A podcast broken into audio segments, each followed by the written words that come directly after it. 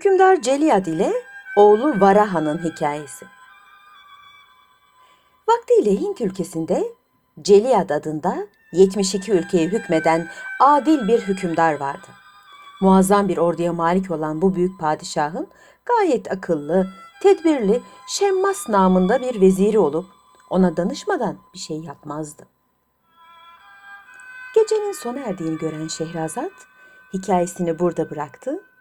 Ertesi gece kocasının isteği üzerine yeniden anlatmaya başladı. 891. gece Bir gece Celiyat rüyasında büyük bir ağacın kökünü suladığını ve o sırada birçok ağaçların peydah olduğunu, sonra o ağaçların birdenbire tutuştuğunu görmüştü. Ertesi gün bilgisine ve rüya tabirindeki maharetine güvendiği veziri Şemmas'ı huzuruna çağırtarak gördüğü rüyayı anlattı. Ve bu rüyayı olduğu gibi tabir etmesini söyledi. Vezir biraz düşündükten sonra, Padişahım dedi, bir erkek evladınız olacak. Taç ve tahtınıza varis olacak fakat bir müddet sonra bir şeyler olacak. Bunu da zamanı gelince anlatacağım. Şimdi tabir etmekte mazurum. Padişahın erkek evladı olmadığı için bu tabire çok sevindi. Ve bu sevincin neşesiyle rüyanın üst tarafını merak etmedi. Fakat birkaç gün geçince aklına geldi.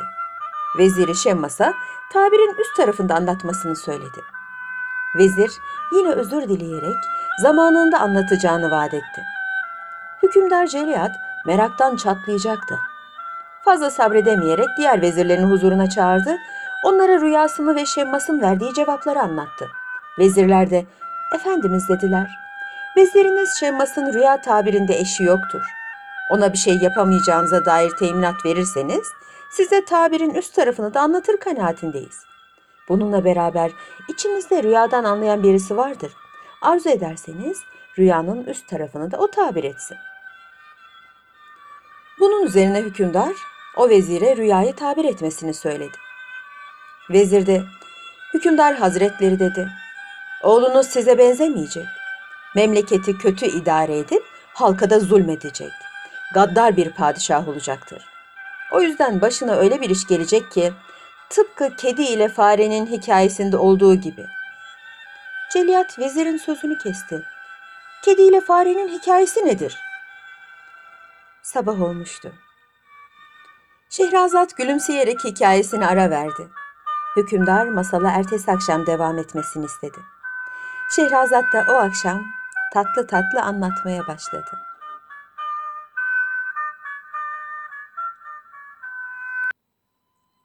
Kedi ile farenin hikayesi.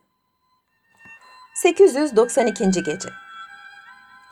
Vezir kedi ile fare hikayesini anlatmaya başladı. Bir gece karnı acıkan kedi yiyecek bir şey bulmak maksadıyla bahçeye çıktı. Fakat yiyecek bir şey bulamadı. Üstelik de hava soğudu. Kendine ağaçların dibine sıcak bir köşe ararken bir fare deliği gördü. Farkına varan fare içeriye girmemesi için yüzüne toprak serpmeye başladı. Kedi bitkin bir sesle "Fare kardeş" dedi. "Niye böyle yapıyorsun? Ben artık yaşlandım. Soğuktan da neredeyse donacağım. Bu gece gidecek yerim yok. Ne olur benim gibi bir garibi yuvanda barındır sevaptır. Tanrı garibe yardım edeni mükafatlandırır. Fare yine yuvasının kapısına toprak doldurmaya devam ederek cevap verdi. Ben senin neden kardeşin olayım? Biz birbirimize ezeli düşmanız. Sana yuvanda yer verirsem hemen bana fenalık edersin.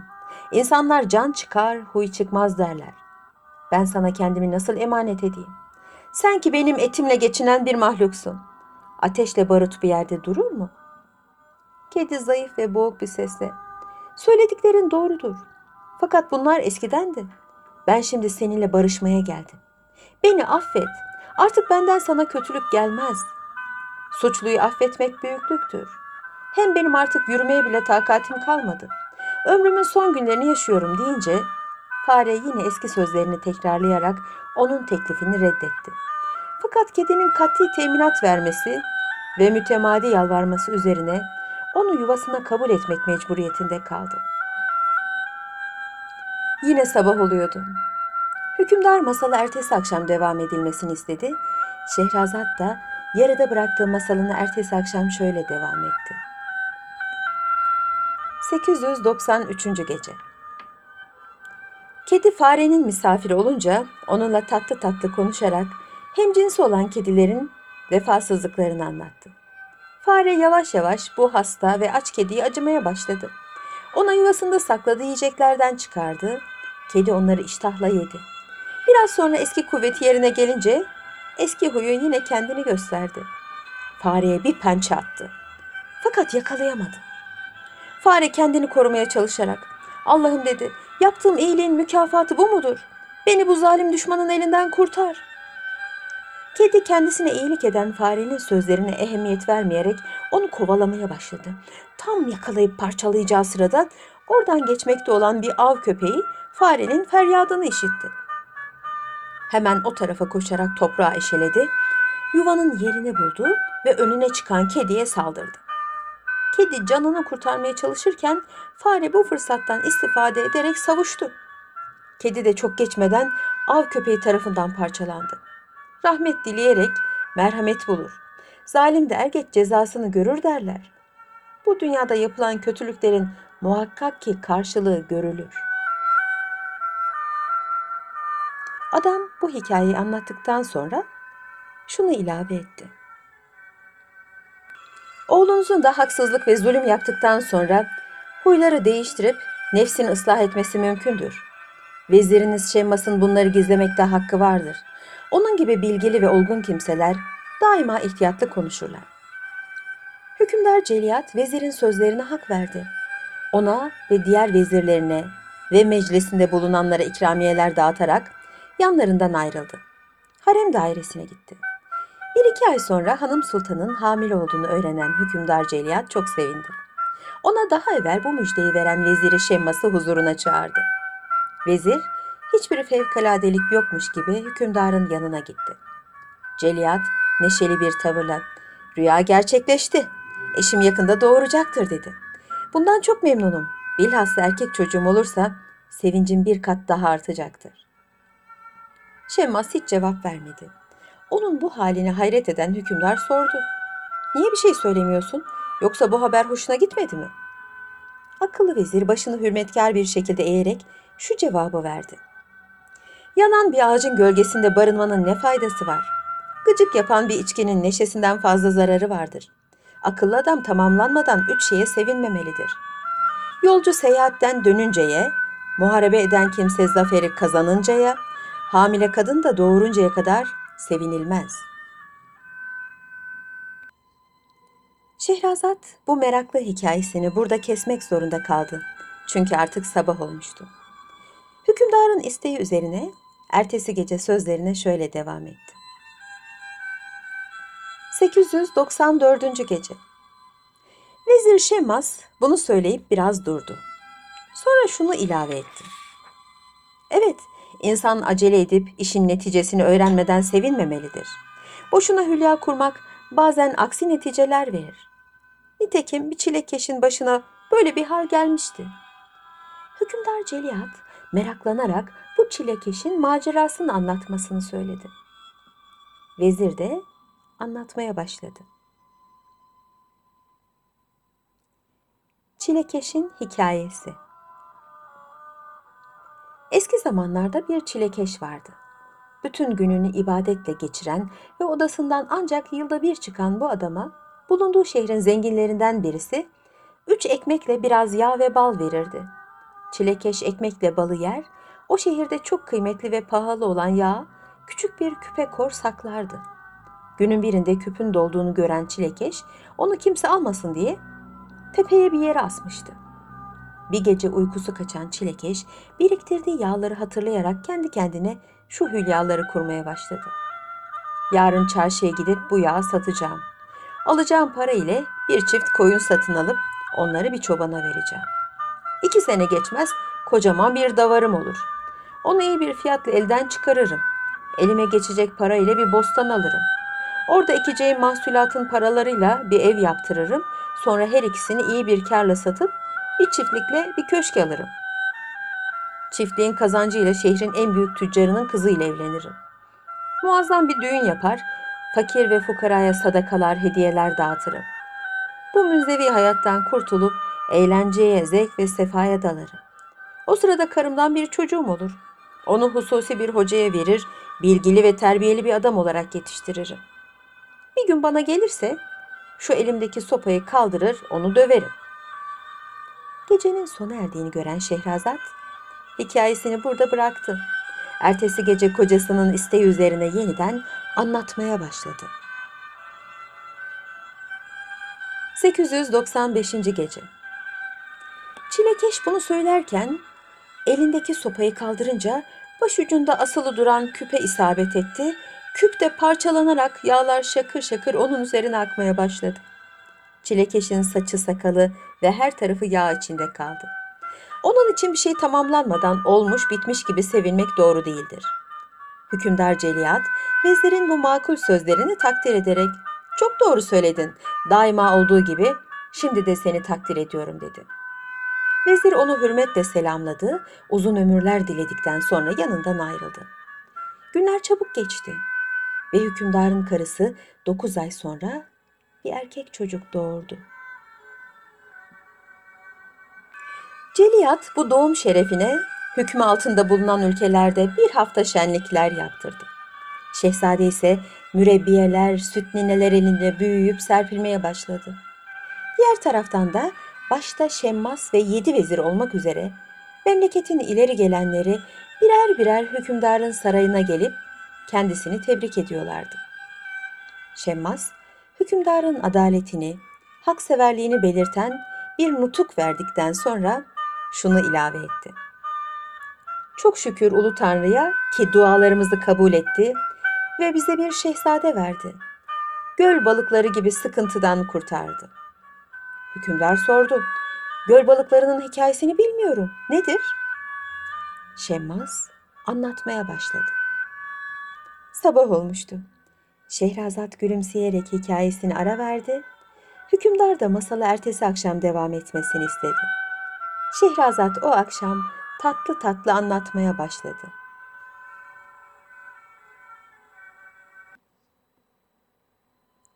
...896. Gece Bir gölde yaşayan birkaç balık... ...bir gün göl sularının gittikçe kurumakta olduğunu görünce telaşa düştüler. Hayatlarından ümitlerini kesip adeta ölümü beklemeye başladılar. Nihayet içlerinden akıllı bir balık çıkıp arkadaşlarına Böyle durmak olmaz. Gidip bizden tecrübeli ve becerikli olan yengece halimizi arz edelim. Bakalım bize ne tavsiyede bulunacak dedi. Arkadaşları kabul edip yengecin yanına gittiler. Uğradıkları sıkıntıyı anlattılar. Bunun üzerine yengeç korkmayın dedi. Sabredin. Sabrın sonu selamettir. Ümitsizlik kadar kötü bir şey yoktur. Yarın kış gelir, yağmur yağar, yaşadığımız gölün suları tekrar eski halini bulur. Balıklar yengecin bu öğütünü işitince memnun bir halde yerlerine geri döndüler. Aradan birkaç gün geçmeden şiddetli yağmurlar yağmaya başladı. Göl sularla doldu, balıklar da sıkıntıdan kurtuldular. Birinci vezir Şemmas böylelikle hikayesini bitirip yeni doğan şehzadeyi uzun ömürler diledikten sonra geri çekildi. Sıra ikinci vezire gelince hükümdarı selamlayarak Efendimiz dedi. Bir hükümdar ancak tebaasını adaletle hükmeder. Onların işleriyle meşgul olur. Refah ve saadetlerini de düşünürse ona hükümdar derler. Siz de bu evsafa haizsiniz. Bütün memleket halkı sizden memnundur. Bizi yalnız bir şey düşündürüyordu. O da mülkünüze varis olacak bir şehzade. Fakat Cenab-ı Hak nihayet onu da ihsan etti. Tanrı'ya olan kuvvetli inancınız sayesinde bu muradınıza erdiniz.'' Bu hal bana kargayla yılanın hikayesini hatırlattı. Hükümdar Celiyat merakla bu kargayla yılanın hikayesi nedir diye sordu. Kargayla yılan. İkinci vezir anlatmaya başladı. Ormanın birinde yüksekçe bir ağacın sık dalları arasında bir karga yuvası vardı. Karga dişisiyle beraber orada yaşardı. Bir yaz günü yumurtalarını kırıp meydana çıkan yeni yavrularıyla meşgulken birdenbire zehirli bir yılanın hücumuna maruz kaldılar. Yılan yavrularını yedi, yuvalarını yıktı. Yılanın şerrinden korkan karga ile eşi müteessir bir halde başka bir ağaca uçtular. Kışa kadar yersiz yurtsuz kalan karga ailesi, havalar soğuyup yılanlar ortadan kaybolunca eski yuvalarına geri döndüler. Bir gün karga eşine, biz tekrar yuvamıza kavuştuk. Yarın da yavrularımız olma ihtimali var. Fakat ne fayda ki bu yaz yine o yılan gelir. Gene yavrularımızı yer. Yuvamızı yıkarsa biz ne yaparız deyince dişi karga kocasını teselli etti. Allah büyüktür. Elbet bizi düşmanlarımızdan korur. Zayıfın hakkını kuvvetliden alır. El verir ki ona olan inancımız sarsılmasın. Bahar günleri geçip yaz sıcakları bastırınca düşmanları olan yılan sinsi sinsi kargaların yuvalarına doğru yaklaşmaya başladı. Tam başını kaldırıp karga yavrularını kapacağı sırada oradan geçmekte olan yırtıcı bir kuş bunu gördü. Kuvvetli pençesiyle hücum edip onu cansız olarak serdi. Karıncalar etrafını alıp yemeye başladılar. Karga ailesi de böyle bir düşmandan kurtuldukları için çok sevindiler. İkinci vezir burada hikayesine son vererek hükümdara ve şehzadeyi uzun bir mesut hayat dileyerek üçüncü vezire yerini verdi. Yine sabah oluyordu. Hükümdar masalı ertesi akşam devam edilmesini istedi. Şehrazat da yarıda bıraktığı masalına şöyle devam etti. 897. Gece Üçüncü vezir hükümdara lazım gelen saygıyı gösterdikten sonra Efendimiz dedi. Sizin gibi tebaasının sevgilisi olan bir hükümdarın böyle evlat saadetine kavuşması bütün memleketi sevinç içinde bıraktı. Siz Tanrı'nın sevgili kulusunuz ki size dünyada istediğinizi verdi. Bu münasebetle şunu söyleyeyim ki Tanrı'nın verdiğine insanlar kanaat etmelidir ve ona bu hususta da şükretmelidir. Aksi takdirde yabani eşekle tilkinin çektiklerini çekerler. Hükümdar Celiyat tilki ile yabani eşeğin başına ne geldiğini sordu. Üçüncü vezir de anlatmaya başladı. Yabani eşekle tilki. Tilkinin biri dağlarda yiyecek aramaya çıkmıştı. Akşama kadar dolaştığı halde iyice karnını doyurma imkanını bulamamıştı. Havaların karardığını görünce inine dönmeye karar verdi. Yolda giderken başka bir tilkiye rast geldi. Ona derdini dökerek yiyecek bir şey bulamadığını, inini aç olarak döndüğünü söyledi ve sen ne yaptın? Bari karnını doyuracak bir şey buldun mu diye sordu. Diğer tilki cevap verdi. Evvelki gün ben de senin gibi aç bir halde dağlarda dolaşıyordum. Birdenbire karşıma bir yabani eşek çıktı. Sevinerek üzerine saldırdım. Karnını deşip yüreğini yedim. Karnım öyle doydu ki aradan üç gün geçtiği halde hala acıkmadım. Şehrazat bu meraklı hikayesini burada kesmek zorunda kaldı. Çünkü artık sabah olmuştu. Hükümdarın isteği üzerine ertesi gece sözlerine şöyle devam etti. 898. Gece Bunun üzerine aç olan birinci tilki kendi kendine ben de bir yabani eşek yakalayıp yemeliyim diyerek böyle bir av aradıysa da bulamadı. Açlık gittikçe onu kuvvetten düşürüyor, hasta ediyordu. Bir gün avcıların attıkları bir okla öldürülen bir yabani eşeğin cesedine rast gelen tilkinin gözleri sevinçle parladı. Çoktan beri arzuladığı bu avı zahmetsizce bulduğuna da çok sevindi. Hemen karnını deşti, bilhassa önce yemek için yüreğini aradı, buldu. Yüreği ağzına alıp yerken içinde kırılmış kalmış olan ok parçası boğazına batıp ölümüne sebep oldu. İşte Allah'ın verdiği kısmete razı olmayanların ve tamahkarların cezası da bu.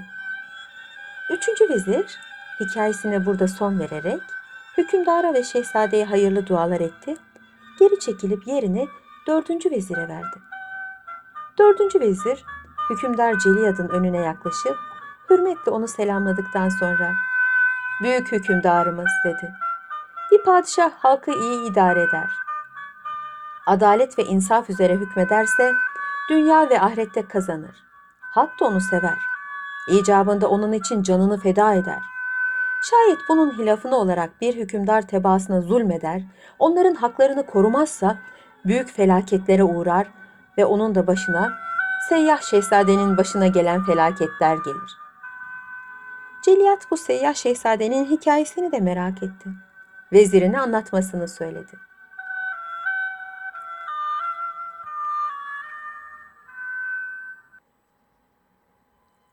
Gecenin sona erdiğini gören Şehrazat, hikayesini burada bıraktı, ertesi gece kocasının isteği üzerine yeniden anlatmaya başladı. Seyyah Şehzade 899. Gece Efendimiz dedi, Vaktiyle Mağrib ülkesinde çok zalim, merhametsiz bir padişah vardı. Hükmü altında bulunan, halka karşı insafsız davrandığı gibi, memleketine gelen yabancılara da kötü muamelede bulunur, ellerindeki mallarının beşte birini alırdı. Bu haris ve zalim padişahın aksine çok insaflı, dindar ve haksever bir oğlu vardı. Bir gün babasının halka ettiği gadir ve kötülüklerden usanarak bir derviş kıyafetine girerek dünyayı dolaşmaya başladı. Nihayet günün birinde farkına varmaksızın babasının hükmü altında bulunan şehirlerden birine geldi. Şehir kapısında karşısına izbandut gibi iki kolcu çıkarak elinde bulunan iki abadan yenisini alıp eskisini bıraktılar.